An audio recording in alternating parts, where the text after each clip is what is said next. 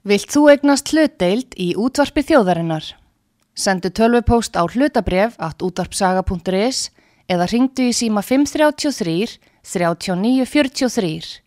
Útvarpsaga stendur vörð um tjáningafrelsið. Síðdeis útvarpið á útvarpi sögu. Þáttastjórnandi Magnús Þór Hafsteinsson.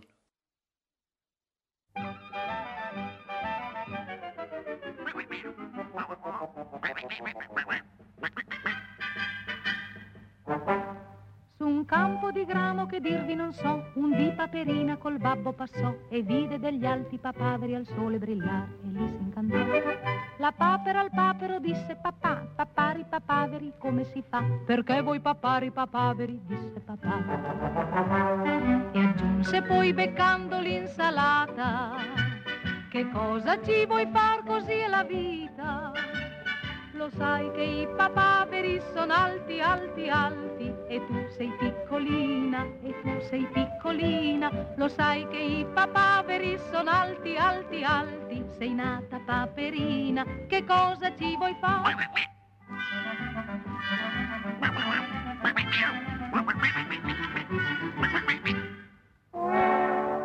Vicino un ruscello che dirvi non so, un giorno un papavero in acqua guardò e vide la piccola papera bionda giocare e lì si incantò. Papavero disse alla mamma, mamma, pigliare una papera come si fa? Non puoi tu pigliare una papera, disse mamma. Se tu da lei ti lasci impaperare, il mondo intero non potrà più dire.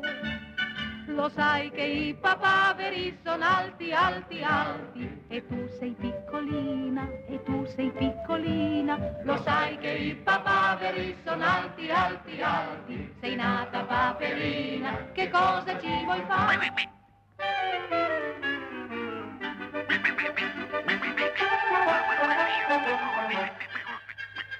Un giorno di maggio che dirvi non so, avvenne poi quello che ognuno pensò. Papavero attese la papera al chiaro lunare e poi la sposò.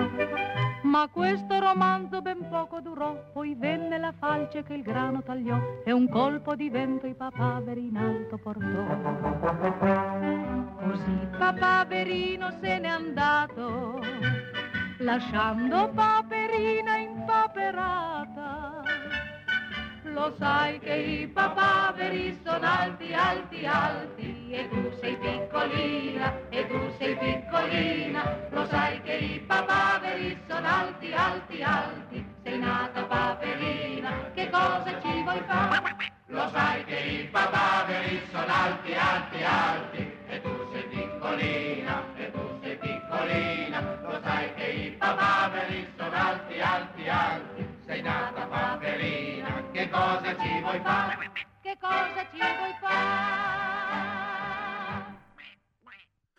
Komið sæl ágætu hlustendur útvarpsögu, ég heiti Magnús Þór Haftensson og þeirra hlusta á síðdeis útvarpið. Við vorum að hlusta hér á lægið Björs og Mjölku bílnum eins og flestir hafa öllust kannast við á ítölsku af öllum málum. Um, við spiliðum þetta lag að ganna okkur vegna þess að við fáum til okkar góðan gest í dag sem er Gunnar Þorgeirsson, formaður bændasamtaka Íslands. Velkomin. Takk fyrir það og takk fyrir að bjóða mér og sína íslensku landbúnaði áhuga. Já, það er allt og lítið fjallað um íslenska landbúnaði í Algjörlega. finnst mér. Nefna náttúrulega í okkar frábæra blaði, bændablaðin. Já, við skulum taka það fyrir aðeins fyrir og eftir einmitt sko. Það er hérna, mér langar svolítið að ræða einmitt grein sem ég sá í því.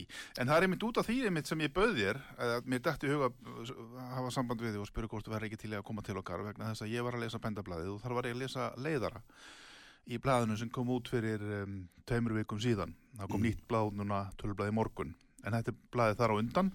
Leiðari með fyrirsögninni Rauð viðvörun og uh, þar kemur inn á mál sem maður hefur tekið eftir svona umræðu í fréttum bæði hér á Íslandi og Erlendis en hefur samt sem áður kannski ekki verið mjög mikið til umræðu hér á landi.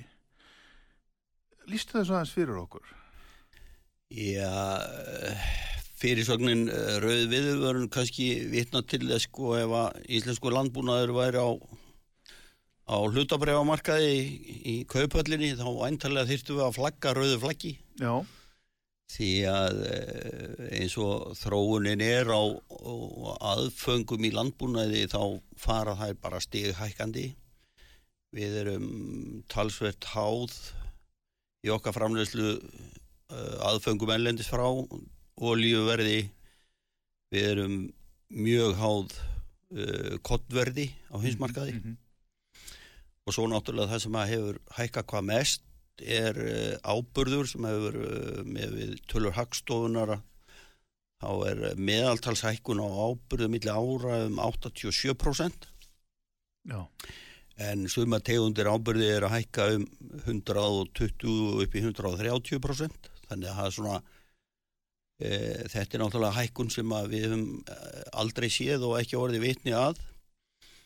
E, og þetta er, hefur heilmikil áhrif e, í bæði í kjöttgreinunum og ekki síður í mjölkuframslunni þannig að e, en svo aftur hef ég svolítið velt fyrir mér eh, að kjartfóður er að hækka núna nánast vikulega hjá þeim e, bændum sem að e, stóla á kjartfóður eins og svínabændur, kjúklingabændur, eggjabændur og síðan kjartfóður í nautgrippi og sögfi. Það hækkar nánast vikulega og svo velti ég svolítið fyrir mér þegar að Evrópa fer að uppskera kornafurðir á haustugum með þessu gríðarlega háa ábyrðaverði. Hvað gerist þá á alheims kornmarkaði þegar að menn þurfa að eða fjármunum upp á 120% hækkuna ábyrði til þess að búa til korn til þess að selja já, bæði bökurum og bændum og öðrum Já, sem að já. nýt, nýta þær afurðir. Tala nú ekki um bygg í bjórframislu og. Þetta kemur fram mjög það. þetta kemur víða mjög illa eða hart niður á þessum greinum. Já. Þú segir þessum leiðara að uh, í Európusambandinu hafi matvælaverð, sko þessar hækkan eru þegar byrjaðar, hefur hækkað um 13% síðasta ársfjólum 2021. Já. Eru þetta afleðingar af COVID eða er þetta floknar en svo? Ég, sko, hluti á þessu er hækkanir vegna COVID og uh, þar hefa allavega svona í samkvæmt mínum upplýsingum þá hefur verið mjög erfitt að ná í aðfeng. Já, Þær hafa tafist um, ég bara umbúðir og rulluplast og bara nefndu það, allt er þetta tefjast um fleiri, fleiri vikur Mhm. og hækkar bara og hækkar í verði og fyrir bræðið að þá náttúrulega bregðast menn náttúrulega við í, í minkandi framleyslu og, og möguleika til, til sölu að þá náttúrulega hækka bara verð. Mm.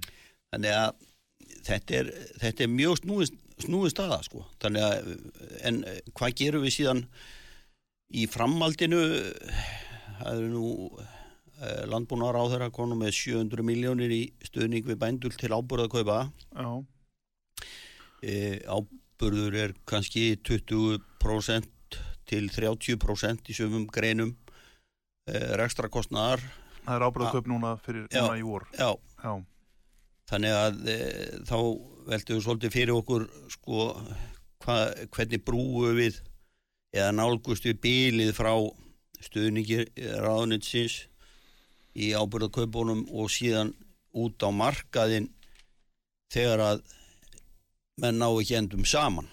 Þannig að það er svona það er svona umhugsunavert við höfum uh, allavega undanfarin ár verið að eh, ítreka auki eftirlit með innflutningi á afurðum. Mhm. hvað er verið að flytja inn og hvaðan er verið að flytja inn? Og, og eins líka á grundvelli útlutuna tollkóta sem er samið um við Európa-samandið og Breitland annars vegar. e, eftirlit með þeim tollkótum sem er útlutað þegar að meðan fá útlutað tollkóta og, ég, og utanum haldið um tonnafjöldan þegar að vera að flytja inn Þannig að svona fram að þessu hefur þetta ekki alveg verið í nógu góðu lægi þannig að ég, við höfum ítrekka við ríkisvaldið um að ebla eftirliti með innflutningi á afurðum. Og annað sem að eh, svona var nú heilmikið í umræðinu fyrir einu og hálfu ári síðan voru svo kallað, kallað jurta ástamál þar sem að innflutningur átti sér stað á osti sem að var innihjelt að hluta til jurtaolju og að fluttur inn sem jurtaástur það er eh, núna loksins búið að eh, koma í veg, eða sérst, skilgrina það sem landbúnaðarafurð en ekki. Mhm. Það hefur nú bara gríðarlega áhrif á framleiðslu hérna hér innanlands og allir sko á síðastlun ári séð þetta ekki um miljón lítrar af mjólk sem hefur verið framleitt meira á osti heldur en var gert árunni þar á undan Já, þar sem að var verið að flytja inn jurtaost í, í dullagerfi. já, já, já. Þannig að við höfum svona verið að ítrekka við ríkisvaldið að, að herða þetta eftirlit þannig að við vitum í raun og veru hvað er verið að flytja inn á þessum tólkvotum. Mhm. En svo hefur fyrirvændi utryggstur á þeirra Guðlúð Þór sendi erindi um það að endur skoða samningi við Európa-sambandið á grundvellin landbúnaðar ára. E, þar höfum við verið að horfa svolítið til að í Noregi sem eru líka eftir þjóð eins og við þar eru innflutningur á landbúnaðavörum í gegnum tollkóta um 7% heldamarkaði landbúnaðarafurð í Noregi Mhm. en á Íslandi eru við með um 20% innfluttar afurður og grunduði tollkóta inn til landsins Mhm.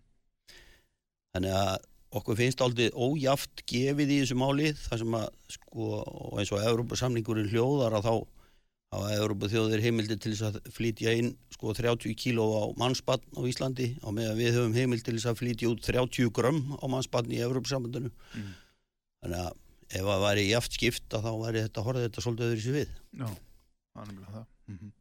Þannig að þetta er, þetta, það er svo sem víða hægt að horfa í þetta og, og enn og aftur höfum við líka sko rætt það við ríkisvaldið að e, á Íslandi höfum við aðbúnaða reglugerðir um dýrahald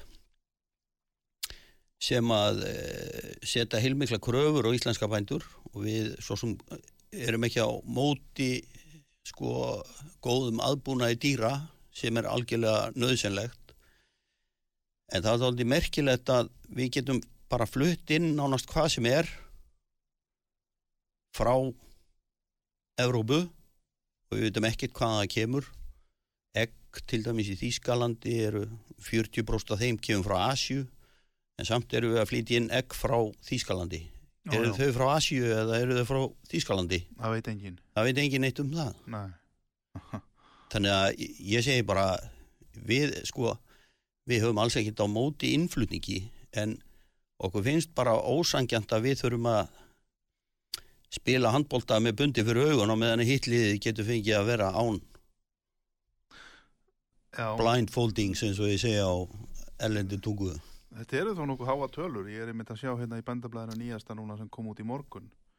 Það er hérna tabla yfir uh, innflutning á kjöti Já, og uh, í fyrra þá voru 19,4% af alifuglakjöti innflutt, 20,3% af nautugripakjöti innflutt, 8, nei, 16,10% af svínakjöti innflutt, 0% af kindakjöti, það er ekkert flutt inn af kindakjöti.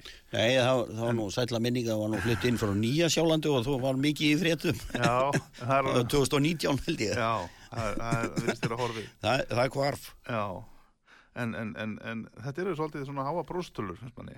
Já, þetta er ótrúlega mikið magn og það er, það er í raun og veru sko, eitt er, sko og, og í, í grunninn til er þetta innan þessara tollkóta sem eru útlutað sko. Já, Þannig að menn eru að flytja þetta inn á lægra verði heldur en svolítið ef að tollkótan nýti ekki við. Já, og það er umhugsunavert hvort að við þurfum að hafa svona rosalega mikið magn á markaði af innfluttum afurðum í þessu prósentulhutvali því að normin er í hústaðar í 8-9% já, já, en við erum í 16 til 20% já, daldum ég sett þetta í afurðum sko.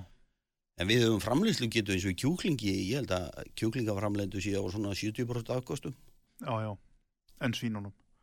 í svínunum eh, eru menn eh, svo sem í svona ágætis eh, sko framlýslu getu en eh, þar er þar spilar inn í sko auknar kröfur á aðbúnað í svínarættinni Já, sem að kosta greinina eitthvað með við nýjustu eða reglugjörnina sem var sett að þá var þetta eitthvað tæpi þrýr miljardar fyrir greinina í endurbætur og aðbúnaðareglur þannig að þetta er, þetta er heilmikið flóki mál í svínardinni þar sem þetta, þessi kostnaður, fjárfestingakostnaður e, kemur síðan ofan í hinn almenna daglega rekstra kostnað sko. Já. Standa menn þarf frammi fyrir því að þurfa að fjárfesta mjög mikið til að... Já, og ef menn hafa verið að fjárfesta undanfærin ár sko, en, en e, það þarf að fjárfesta talsveit meiri í grinni núna bara á komandi árum sko, Uh -huh. til þess að standast alla þessar reglugerðir, en svo erum við náttúrulega alltaf kathóskar en páin þegar við tökum upp reglugerðir eða Europasambassins, við þurfum alltaf að gullhúða þær svona, Já, þannig að þetta líti ennú betur út sko. begjum okkur og buktum. Já, já, já, já, algjörlega. Hvað með nautaframkjöð framlýsluna? Er hún... Já, hún er, e, hún er e, mjög vaksandi en á aftur, enn og aftur í dálitli van- varnabaróttu vegna þessa mikla innflutning sem er í gangi Mm en núna eru menn farnir að e, kynbæta í raun og veru nauta eldið þannig að við erum komið angusblóð inn í þetta þannig að það er farið að framleiða hérna heima svona, hvað ég var að segja, alvöru naut þannig að gæðarlega séð eru við orðni mjög samkjöfnisfær -hmm. en eh, enn og aftur er þetta verðið sem að náttúrulega er svolítið að kvelja íslenska bændur Hvernig fór þetta með þegar þessi faraldur byrjaði, þessi COVID faraldur byrjaði? Áður en hann hófst að þá var hér fullt af ferðamönnum. Þeir þurftu náttúrulega að borða Já, já, og uh, þeir borðuðu töluvert af íslenskum landbúnaðavörum, gerir ég ráð fyrir. já þeir gerðu það Myndaðist ekki gat þegar þeir hurfu? e, það var nú svo merkilegt sko að það sko e, það varð neistlu breyting Já, á afurðum á COVID-tímanum nú er það, allir Íslendingandi voru náttúrulega heima Já, og voru farnir að elda sjálfur hættir að vera skýðum í í Austuríki og svona. Og eh, en þeir el, elduðu náttúrulega bara það sem þeir eru vanir að elda kjöt í Já. karri og hakk og spagetti og þess áttar en eftir sátu nautalundirnar og lundarvöðvar og svoleiðis. Þannig að dýrari afurðnar já. seldust minna heldur að gerði. Uh en það var talsvert aukning á sölu svona eins daglega já, Já, já, sem var mjög. Já. En mjölkurafurðan? en mjölkurafurðina bara nánast stóði í stað sko. Já, það já. var ekki túrista drekka sennilega ekki mikla mjölk með matum þeir Borðu ekki sennilega, mikið að skeri? já þeir auðvitað borðaði talsvert að skýri en, en, en menn hafa náttúrulega aðra lausnir eins og í dufti og þess áttal hlutum til þess að bregðast við í mjölkurafurðunum þannig Já. að það er ekkert verið að hella niður mjölk sko. Nei, Þannig að það er, það er svolítið öðruvísi en, en neyslu minnstrið og það voru náttúrulega allir heima og borðuðu seri og svo móndana og, og, og grjónagröð í hátteginu og svona. en það hlóðust ekki upp neina byrðir Nei. í neinu, þannig Nei. að það séð. Landbúnaðarinn já, það, það, sem að, það sem að kannski stóð eftir voru eins og ég nefndi áðan þess að dýraðu vöðvar eins og Já, jú, og, já, já. og þess áttar Mhm. vörur sem að við borðum ekki á mánudum og þriðudum heldur bara á sundum og lögutum Já, já, þannig að sko allir í viku hverju sé ekki svona 50.000 munnar sem ekki er í útlöndum sem Já. voru bara heima. Sem voru bara heima, þannig að, já, að þetta við jafnað sér svolítið út þannig Já. En það var mjög aðdeklisveit að fylgjast með þessu. Við heldum að yrði al, algjör dropp sko í, í sölunni vegna, vegna færri munnar sem þau þurft að metta en Já. þeir voru bara allir heima Íslandingandi sáum að torga já, já, já, og það gilti þá líka um grænmyndið eða eitthvað já, já, já, við, eh, það er nú vandin í grammendinu það er að að við erum ekki að framleiða nema svona fjör, ef við tökum allt grammeti svona heilt yfir Já, þá erum við ekki að framleiða nema svona 46 til 8% af því sem við erum að borða. En við erum að framleiða 100% af þeim gúrkum sem við erum að neyta. Mm, við erum að framleiða 46% af tómutum en svo er þetta bara minkandi eins og í blómkáli erum við bara eitthvað 10% af hildanislu á ári. Þannig að það er gríðalið tækjafæri í græmitsræktun já, en það vantar bara einhverja ofurhuga til þess að fara í það verkefni að fara að framleiða meira því að eins og ég segi, þá erum við, ef við tökum allt græmiti sem við erum að neyta, þá erum við ekki að framleiða nema 40-60% af því sem við erum að borða. Því miður, og restin er innflutt. Restin er influt.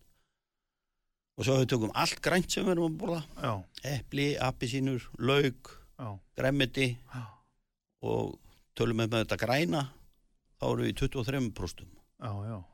sem er náttúrulega en auðvitað náttúrulega eh, förum við ekki í mikla banana framleiðslu ekki í stórum stíl eða þess aftar pródökt sko þannig að það eru bullandi tækifæri í græmitsframleiðslu Sem myndi þá felast í því að framlega fyrir innlandsmarkað já, og keppa við það innfluta. já, já ég, það, Og Það er bara er, er það gerlegt að- það er náttúrulega örgulega gerlegt í gæðum en líka verði. Já, það er það er bara faktaður leið og Ísland út í rækta græmiti kemur á markað þá er bara slegist um hvert kíló sko Já, já, já, já. það er bara, það er bara luxusvandamál sko Aha. Þannig að það er vonandi einhver að hlusta núna sem hérna já, já, ég minna það bara fær hugmynd. það er bara viðskipta hugmynd bara að hjóla í það að fara að framleiða Já, það er til einn og einn ofur hið það er nú einn í landi erum að prófa að búa til íslenska kvítlögg já, allur, allur kvítlöggur sem við neytum á Íslandi er framleidur í Kína sko Kína. Já. Eitthvað er nú kóluminsborðið af því. já, já, við spyrum ekki að því við Nei, það bara er fá enginn að kvítlögg tala um Nei, Já. En þetta er svolítið um hérna upphafi, þetta með uh, þessar verðhækkanir. Fólk hefur kannski svolítið áhyggjur af því og það bætti nú kannski ekki úr skák í gær. Var nú kannski frekar svona grátt ofan í svart, þessi vakstahækkun í Sælabankanum. Allt tikkar þetta Já. í eina og sömu átt. algjörlega Hvað mun gerast? Er, er, er, er hægt að, sko, við meðum búast eflust við því að innflutt matvæli muni hækka í verði? já, Hvað með innflutt, innlendum matvælin? innflutt matvæli hafa, eh, Hafa verið að hækka? hafa verið að hækka því að náttúrulega Heilsalar, Ma- það er bara- þannig hljóð í þeim? Já, já, ég maður bara skinnir það bara sjálfur sko, nú er ég nú bara græmiðsframlegandi eða gar, garðirkjuframlegandi í grímstensunu sko allar afurðir og fluttnískostnaður sérstaklega Já, er algjörlega að fara upp úr öllu valdi sko.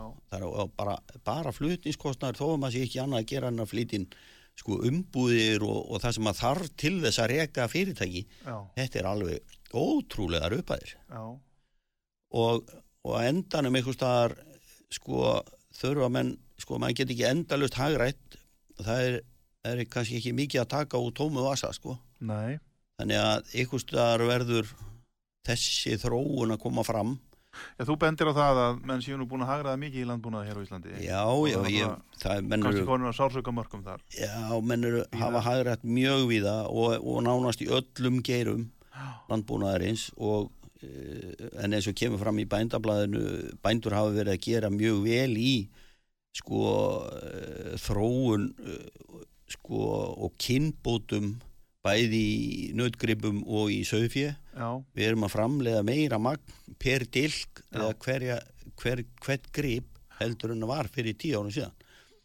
Og við það erum við náttúrulega í fyrsta lagi að minka kólefnisspor íslensk landbúnaðar við erum að auka framlegð á grundvelli kynbóta og betri rekstrar minka beitarallag. já, minka beitarála Sauðfé fækka. og já, já, allt, allt eh, þarf fram Já, til gottona sko, en, en, en svo, svo svo á enda stöð sko, þá segja maður bara, heyrðu, nú eru við komnir sko alveg upp í topp í allir í hagræðingu. Já, stór hluti bænda heigjar orði bara með verktöku að það standi ekki sko 15 rúlu, rúluvélar sko hlið við hlið í einu fyrir því heldur kemur bara tvær rúluvélar í tjörð og, rúla bara alltaf slið þannig að það er ímislega svona sem hefur orðið gríðarlega hagræðing í. Já, já.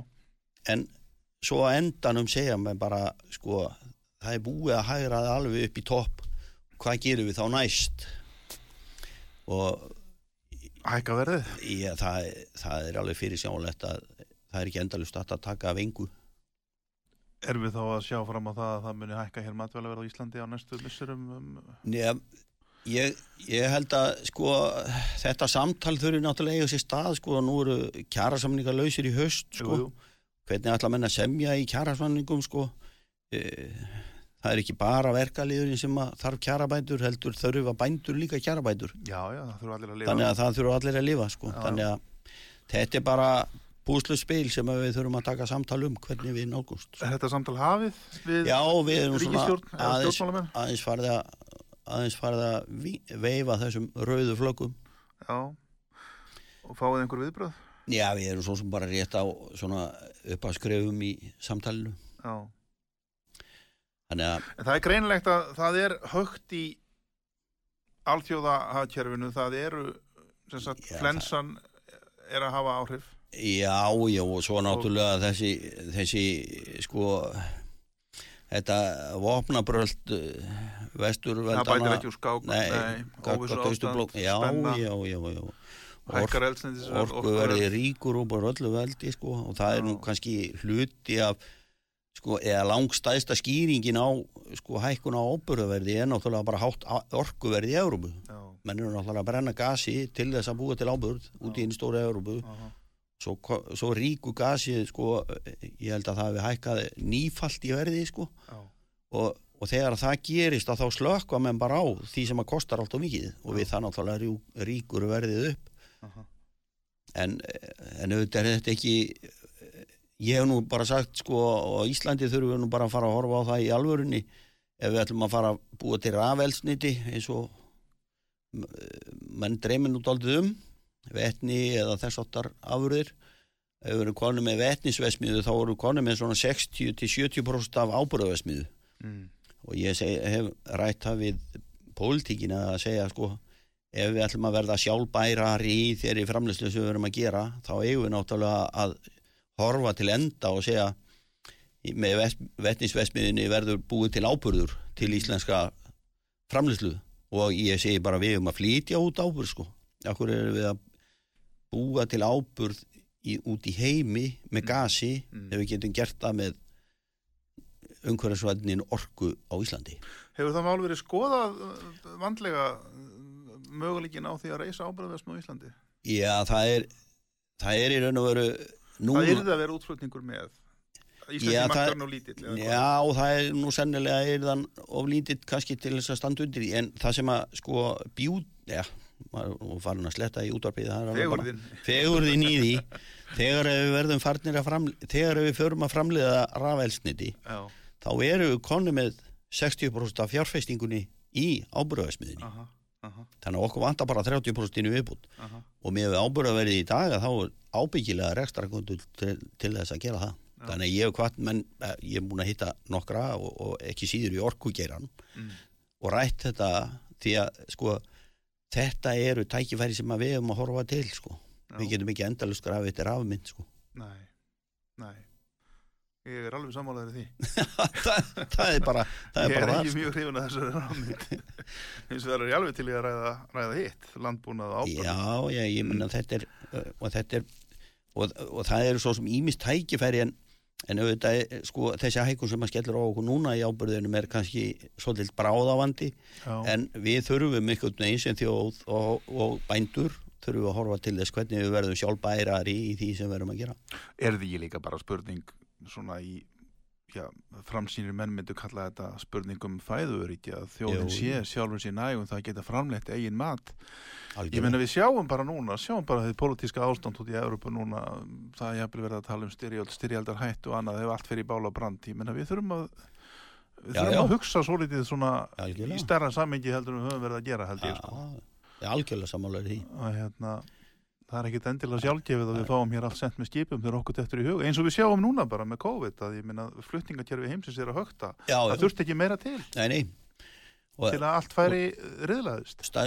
Stór hluti af því er í raun og veru á grundvilli COVID sko að þessi flutningsvandi því að já, já, menn þurfa að sitja fyrir utan hafnir í einhverja fjóra-fimm daga í sótkví áður með að leggjast að bryggju.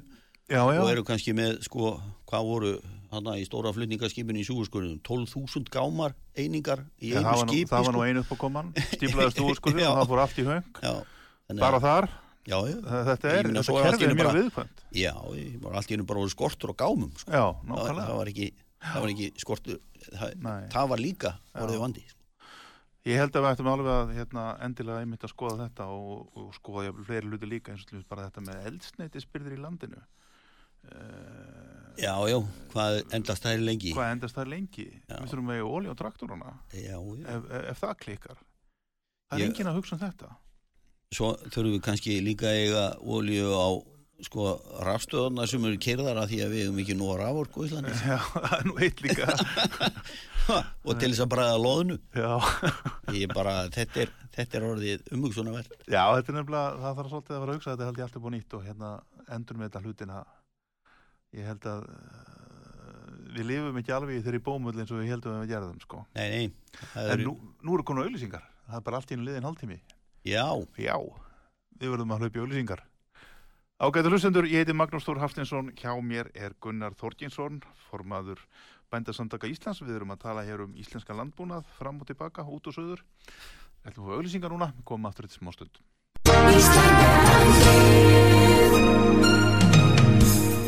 Styrtareikningur útvarpsögu í Íslandsbanka á Granda.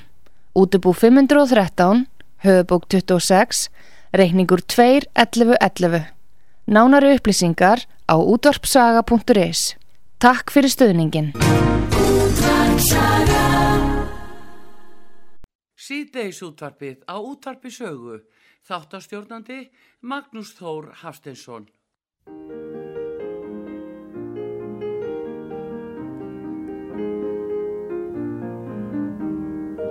Það var einu sinni bondi sem að átti hænsna bú og ær og hest og kött og gæs og líka eina kú.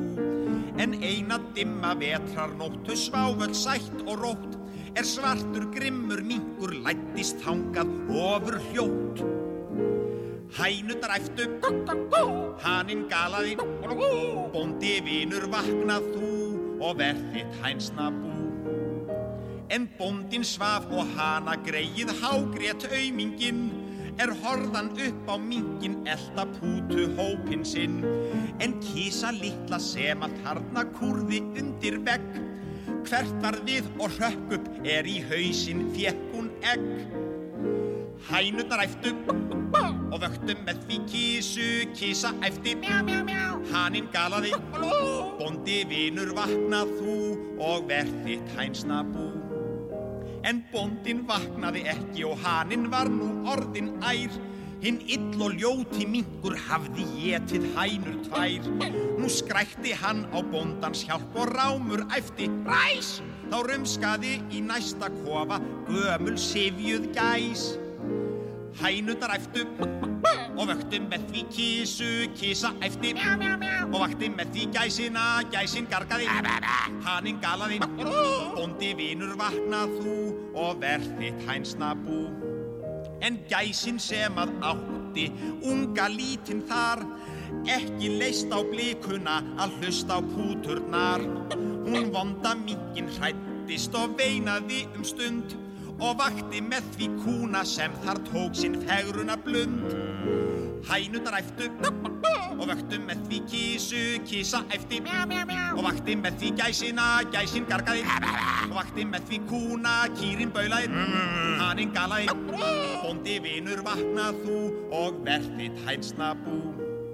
Og belju greið hrættist við að heyra óhljóðin í hænunum og reynda vekja bóla mannin sinn.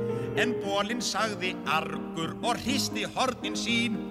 Hvaða bölvulæti eru þetta, kelli mig?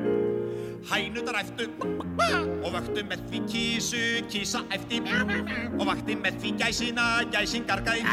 Og vakti með því kúna, kýrin baulaði. Og vakti með því bóla, bólinn rumdi. Haninn galaði, bóndi vinur vaknað þú og verðitt hænsna bú og bólinn var mjög úrillur og bölvaði mjög hátt Balsett læti eru þetta hér um miðjanátt Það verður strax að stöðva þetta vilda hænu geim. Nú vek ég hundin svo ég fái svefnfrið fyrir þeim. Hænuðar æftu og vöktu með því kísu, kísa æfti. Og vakti með því gæsina, gæsin gargaði og vakti með því kúna, kýrin baulaði og vakti með því bóla, bólin rumdi og vakti með því hundin, hundur gelti. Haninn galaði, bondi vinur vaknað þú og verðitt hænsna bú. Nú vaknaði loksins bóndin því að hundurinn gelti hátt og hljópett út með byssuna og náði minknum brátt. Svo skaut hann minkin ljóta og gekk svo heim með hann. Og húsfreyjuna vakt og sagði Sjáðu hvað ég fann. Því hænundar æftu og vöktu með því kísu, kísa eftir og vakti með því gæsina, gæsin gaggaði og vakti með því kúna, kýrin baulaði og vakti með því bóla, bóli rundi og vakti með því hundin, hundur gælti og vakti með því bóndan, haninn galaði bóndi saði ha ha hæ og bónda konan hæ hæ hæ, nú minka pels ég fæ Komið sælættur, ég heiti Magnús Þór Hafsteinsson og þið eruð að hlusta á síðdeis útvarp útvarsögu. Hjá okkur Gunnar Þorgjesson, formaður bændasamtaka Íslands. Lægið sem þið voruð að heyra, það var náttúrulega Ómar Ragnarsson sem flutti það, dýrin á bænum. Gunnar, þú ert ekki með dýr, þú ert með grænmeti eða hvað, Já, sem bóndi. Já, sem garðkibóndi er ég með túlipanna og garplöntur og svo kryddjurtir. Já, Og svo er ég eitt kött reyndar en það er nú önnur að er það eina dýrið á bænum? Já, Hvernig, hérna, og hvernig gengur það, sá rekstur? jú, það gengur alveg ágætlega sko, en uh, auðvitað er þetta áskoranir á hverjum degi Já, og, enn og aftur við förum ekkert varhluta á hækunum uh, aðfanga þannig að þetta er allt mjög snúið sko. já, Þannig að það þarf að velta fyrir sér eh, hvað gert er á hverjum tíma. já. Og þú ert í þessu alla daga samliða því að vera formaður eða? Já, ég er nú, ég er nú svo heppin, ég er svo vel giftur sko að konan eiginlega rekur þetta svona dagstælega þannig að ég hérna hleyp bara til og, og glerja og, og ég svona stunda almenna viðhald öllu jöfnu Já, eins og bara eftir, eftir e, veðrið þarna að fara á nótt mánundagsins sko að þá núna síðast. núna síðast sko það er svona ég svaraði seint og illa það sem ég þurfti að vera að glerja á mánudaginn og að það er bara eitt af þessum sem, verkum sem maður þarf að sinna Menn taka því bara sem að höndum ber. Já, já, það er ekkert annað að gera Já. Og því framleiði þá, eru þá, sem sagt, framleiði þá aðalega inn á höfuborgarsvæðið eða hvað? Já, já, það er það er í raun og veru afurð bara sem við sendum frá okkur Daglega eða hvað? Neða, það er kryddjurstinn að fara frá okkur tvisar í viku en blómin fara, fara daglega Já. Er það ekki erfitt þegar að helli segðin lókar? Jó, ég er nú svona ég sagði nú heima hann á á þriðudaginn það er jáfnfallet að snjú ekki á Suðurlandi sko, almennlega, eins og gerði hérna í kringu 1990 þegar maður var yngri Já. þvældist yfir heiðina í alls konar snjóum og, og færð. Nú er þessu bara öllu lokað og maður það bara að býða og, og sjá til hvort að maður komið afurðum á markað. Já. Þetta er orðið mjög skytið umhverfi. Já. Það er ekki lengur eins og var að menn bara brutust yfir heiðan þurftu og... Börðust bara alla leið og bara þannig. Já. Þetta eru breytið tímar. Já, En hérna, þið eru þá, hvað? Þið eru þá með ljós, þið notið þá mikið ramagn eða hvað? já, já, við lýsum talsvert, við erum að lýsa einhverja 2000 fermetra eitthvað leis. Já. Þannig að það er það er svo aftur uh, hinn vinkillin á þessum landbúnaða pælingum og, og vangaveltum um sko aukna framlegslu Já. Eh, við höfum í, í búveru samningunum sem gerði voru 2016 og svo endur skoðaði núna 2020 Mm. þá erum við með sko 370 miljónir í niðugreifslu og flutningi raforku til garðirkjunar Já. sem að flutningskostnarinn er sko svo í mínu tilfelli erum við að borga einhverja x krónur á kílóastundina sem raforku kaup. En svo erum við að borga sko í flutning sem nefnum svona 70% hærra verði heldur en orkan sjálf. Já, já. flutningskerfið er í raun og veru niðugreitt að hluta fyrir garðikjuna en þess að 370 miljónir döga ekki fyrir garðikju framlýsluna eins og hún er í dag. Þar sem að menn eru beingreislunar í flutningsfrávorkunni voru búnar í oktober þannig að menn voru að greiða bara fullan rávorkureikning í november og desember Já, já. Þannig að þetta er eh, líka málefni sem við þurfum að taka upp við ráð þegar það er endskoðan ákveði í búrsamningunum 23 Mm. það sem að við erum svona að horfa til þess en það stendur nú í stjórna sáttmálanum að uh, stiðja betur við þetta verkefni en þetta er dálítið umhugsunar verkt sko Verkefnið sem sagt garðirkjuna eða? já, eða svo þetta í flutningskostnaðir á Flutning- já, já, já, já, já, það er, þetta er svo óbóðslega flókið í þessu flutningskerfi að það, það er ekki fyrir hvítamanna að Hvað skilja er þið þetta að borga í, hvaða ramarsverð eru þið að borga greiða? Eru það að greiða, við erum, þið er ekki á neinu stóriðu samningum? nei, nei, nei, nei, nei langt í frá, langt í frá og við erum heldur ekki á roftaksta sko. Nei. þannig að uh, við erum þetta er einhverjar rúma fjóra krónur á kílóstundina. Sem orku kostnaðurinn er já, fyrir utan flutningin og flutningurinn er 6-7 krónur kílóstundina. Já. þannig að það er það er fljótt að tikka sko. Já. En þið lenduðu allavega ekki í því sama á norðmenninir núna nei, í nei, nei, ég hérna sem ramarsreikningarnir ruku úr öllu valdi? já, ég sá, sá, sá vefmiðlum norskra garðiki bænda í nóvumber að þá hendu menn bara jólastjóðunum að því að það stóði ekki í kostnaði að klára að lýsa þér fyrir já. jólin. Já, þannig að þeir hendu þeim bara og svo slöktu þeir í gúrkuhramluslunni Aha, að því að það stóði ekki undir árkostnaðinum já, en e, rétt fyrir áramót þá náðu norski garðkjubændur samningi við norska ríkið um niðugrislu á rávorku verðinu til matarframslunar já, þannig að þeir byrju að lýsa aftur en auðvitað er þetta daldið svakaleg staða ef mann lendi í þessu sko. já, þetta er rosalega öfgatjönd, sko. já, Ekki bara hjá bændum heldur líka hjá bara almenningi. já ég, bara menn tíma var alltaf að fara í styrtu sko. Nei, nei, hérna, ég heyrði ágændi sögu frá Spáni. Nú hækkaði ráorkuverði náttúrulega þar líka því þeir eru náttúrulega tengdir þessu evróska kerfi. Og dóttirinn spurði mömmuna mömmu sína hvort þú mætti horfa á sjónvarpið. Og mamma sagði, jú, jú, þú mátti alveg horfa á sjónvarpið bara ekki kveikja á því. Nei, já. já, já, þetta var svona. Það var að tala um það að það kostaði svo, svo mikið að fara í styrtu Já, og, algjörlega. og menn hérna sátu í myrkri bara heima á sér. Alveg ótrúlegt. En þetta er svona, við lifum á skrýtnum tímum. Það er alveg óvægt að segja það. algjörlega En hérna, já, uh, bændablaðið, við töluðum aðeins um það hérna áðan og ég sá einmitt einmitt grein hérna í bændablaðinu sem hefur nú kannski ekkit farið mjög hátt og það er prentmiðlamæling Gallup á síðasta ársfjórungi 2021. Þetta er sagt frétt í bændablaðinu. Aðrir prentmiðlar hafa nú ekki vikið verið að tala um þetta en það kannski skilanlegt í ljósi þess að það kemur fram að bændablaðið með alveg svakalega sterka stöðu í lestri. Það er hérna já, það er með mesta lestur prentmila á landsbyðinni 42% fréttablaði kemur næst með 27% og svo morgunblaði með 18,6 þetta er gríðarlega sterk staða og landinu öllu þá er bændablaðið með 27,2% fréttablaðið með 30,1% bændablaðið slagar næstu því upp í fréttablaðið á öllu landinu Já. og höfuborgarsvæðinu er bændablaðið með 20% lestur Já. fréttablaðið er þar fyrir ofan með 37% og síðan er morgunblaðið með 21, komma eitthvað um, bændablaðið er sem sagt með já, gríðarlega sterka stöðu á Íslandi fólk verðist lesa það bara alveg í tætlur ef maður svo má segja hvernig stendur á þessu?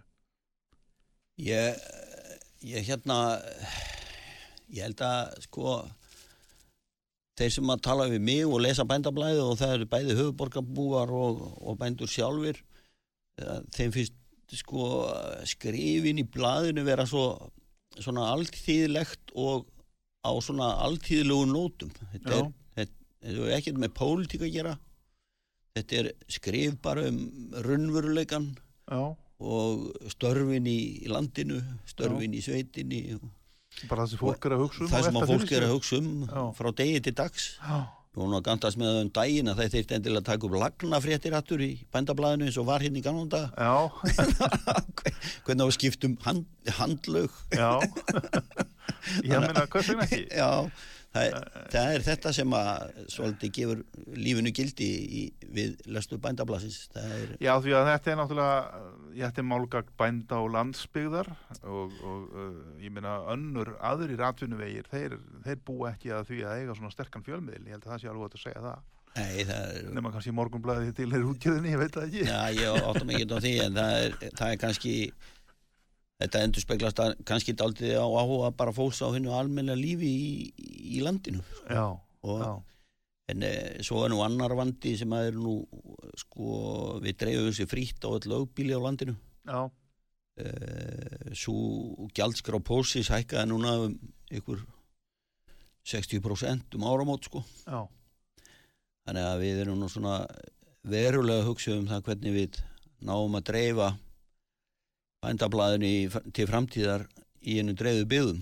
En er Þegar að- ekki alltaf að aukast að fólk lesi mm, bara á netinu eða? Jó, en það er einhvern veginn romantíkin í prentmiðlunum Fólk vill hafa blað á milli handanna. prenta í 32.000 eintökum það vil bara hafa blaðið til þess að fletta í þegar að eins og með bækurnar, já, og hafa hafa þetta bara á náttborðinu og lesa eina grein í kvöld og aðra á morgun Já, og er, þú þarft ekki endilega og, og blaðið kemur út á 14 daga fresti. Það er svolítið tímalöst sko í greinaskrifum. Já, þetta er ekki Það æsi frétt dagsins. Það lifi lengi já, það er, er svolítið svona fróðuleikur já. og það er bara það sem að fólk hefur áhuga á.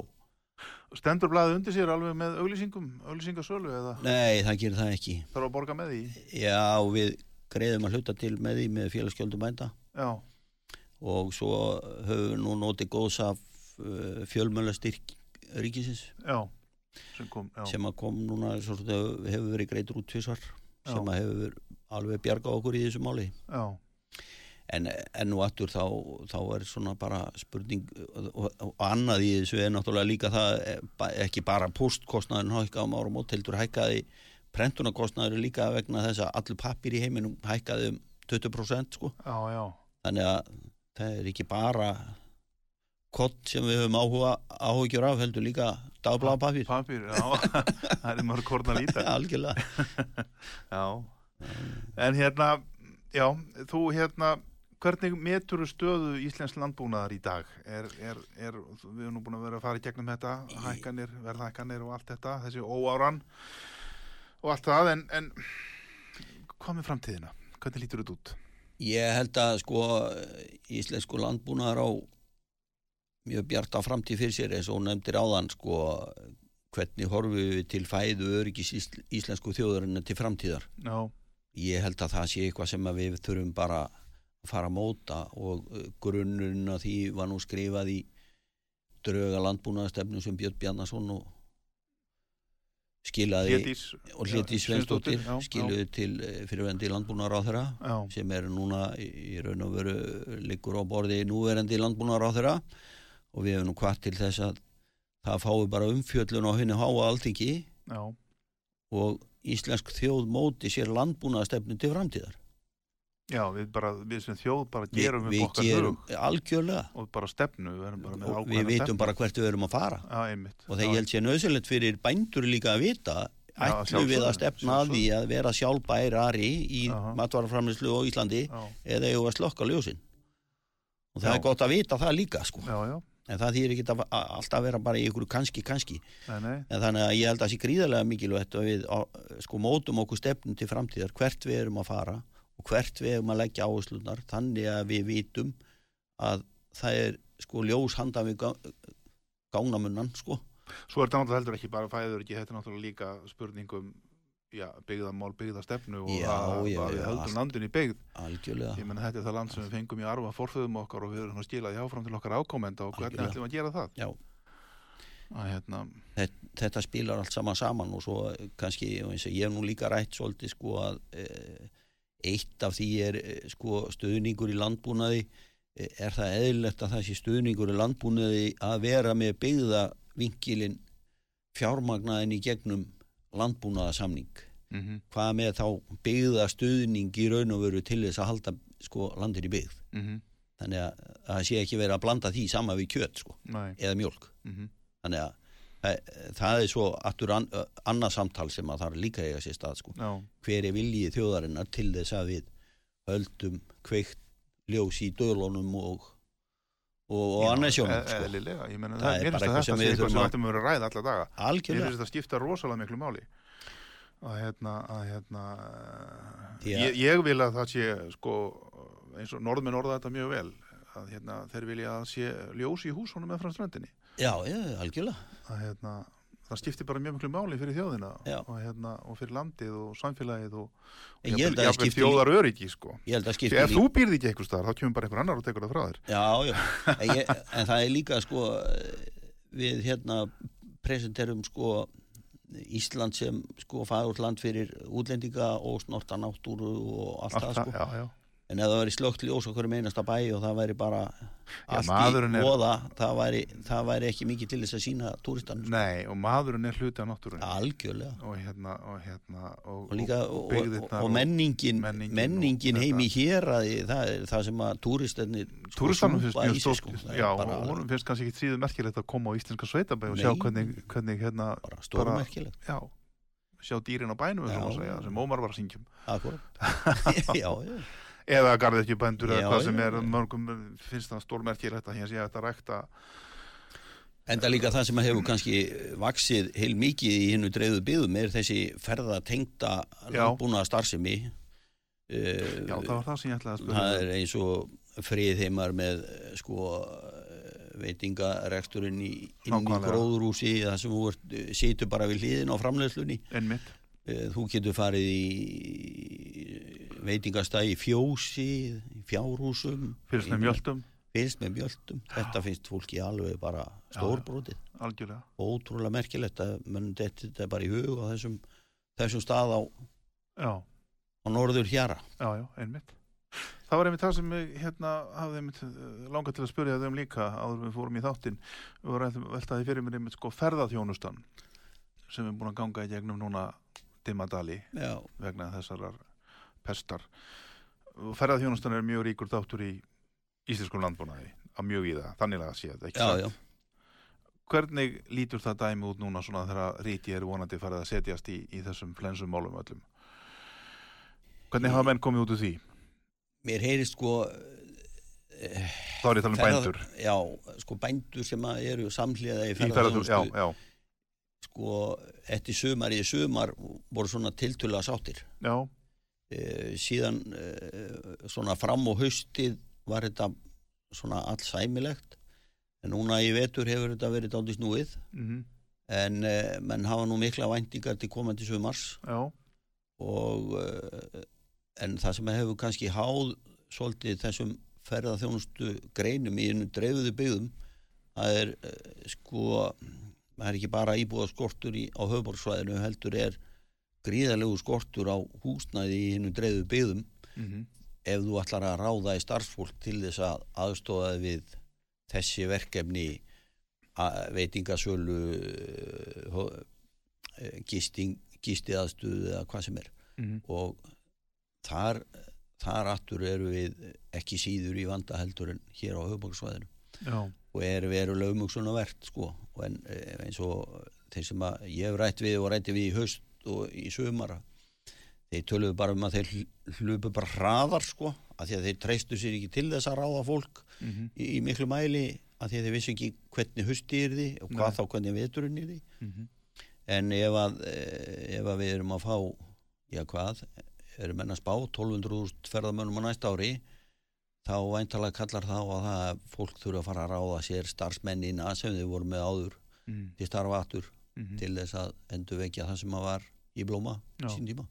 Þannig að það eru fullt af áskorunum í þessu líka. Og það er, ekki, það er heldur ekkit einfalt fyrir þessa ferðarþjónustu aðila að standa undir skuldbindingum með hækandi stýrivöxtum dag frá degi sko, næ, ekki síður. Nákvæmlega. En menn hafa komist í gegnum þetta svona fram til þessa? Já, er svona fram til þess að hafa menn svona allavega hana skreimt sko en auðvitað eru menn náttúrulega su- sumi komnir á þolmörkum sko í, í getu sko en, en og aftur þá er þá er svona horfa menn nú svolítið bjart, bjart fram á veginn voru Íslendingarnir, fóru þeir að ferðast meira einanlands, heldur að þeir hafi svona kannski einhverju leiti náða Já, já, þeir gerðu það verulega í sumarið rétta skútuna? Já, já, það, þeir voru náttúrulega á sko Suðausturlandi og Austurlandi Já, þeir eldu sólina. það- það, var, það var lítið að frétta hérna í rigningunni Þú sagði að Í við flóanum. ekki rigning á- um áðan í hlénu að hérna þú hefur... Já, við Í erum, að, við erum að lýsa kryddjurtir nánast allt síðastlið sumar það var Já. eiginlega engi sól til þess að framlega kryddjurtir sko. Hefur aldrei gerst áður eða eitthvað? Ég var Eða það svona dag og dag sko, en ég hef, ekki, ég hef aldrei lýst sko vikum saman Nei, Þetta var svona mikið rignum sumar í Þetta fyrra. var alveg hræðilegt. Já. En þú mátt ekki vera að hlaða með ykkur þunglindi að rifja Nei, það. nei, nei, nei, nei, nei, nei, þetta er hérna, en, þetta er svona, er gaman að, það, jú, það er gaman að rifja þetta upp. Við skulum bara vona að vera algjörlega, betra. Við skulum vona að það sé bjart framöndan. Það jú. hlýtur að vera bjart framöndan. Við erum alltaf bjart sínir. Algjörlega. Já, Gunnar Þorgjesson, formaður bænda samtaka Íslands. Við erum búnir með tíman. Já, Það var bara gaman að fá þig enga, mjög gaman, skemmtileg spjall. takk fyrir að gefa þessu tíma fyrir til að okkur og hérna, við þurfum að gera um meira því. Já, við þurfum að gera meira því. Já, ég bara til hvena sem er. Já. Ágæta hlustundur, ég heiti Magnús Þór Haftinsson, þið hafa verið að hlusta á síðdeis útvarpi hérna á Rástvö. Við þökkum Davíð teknimanni fyrir hjálpina og segjum takk fyrir í dag. Njótiði helgarinnar og förum varlega.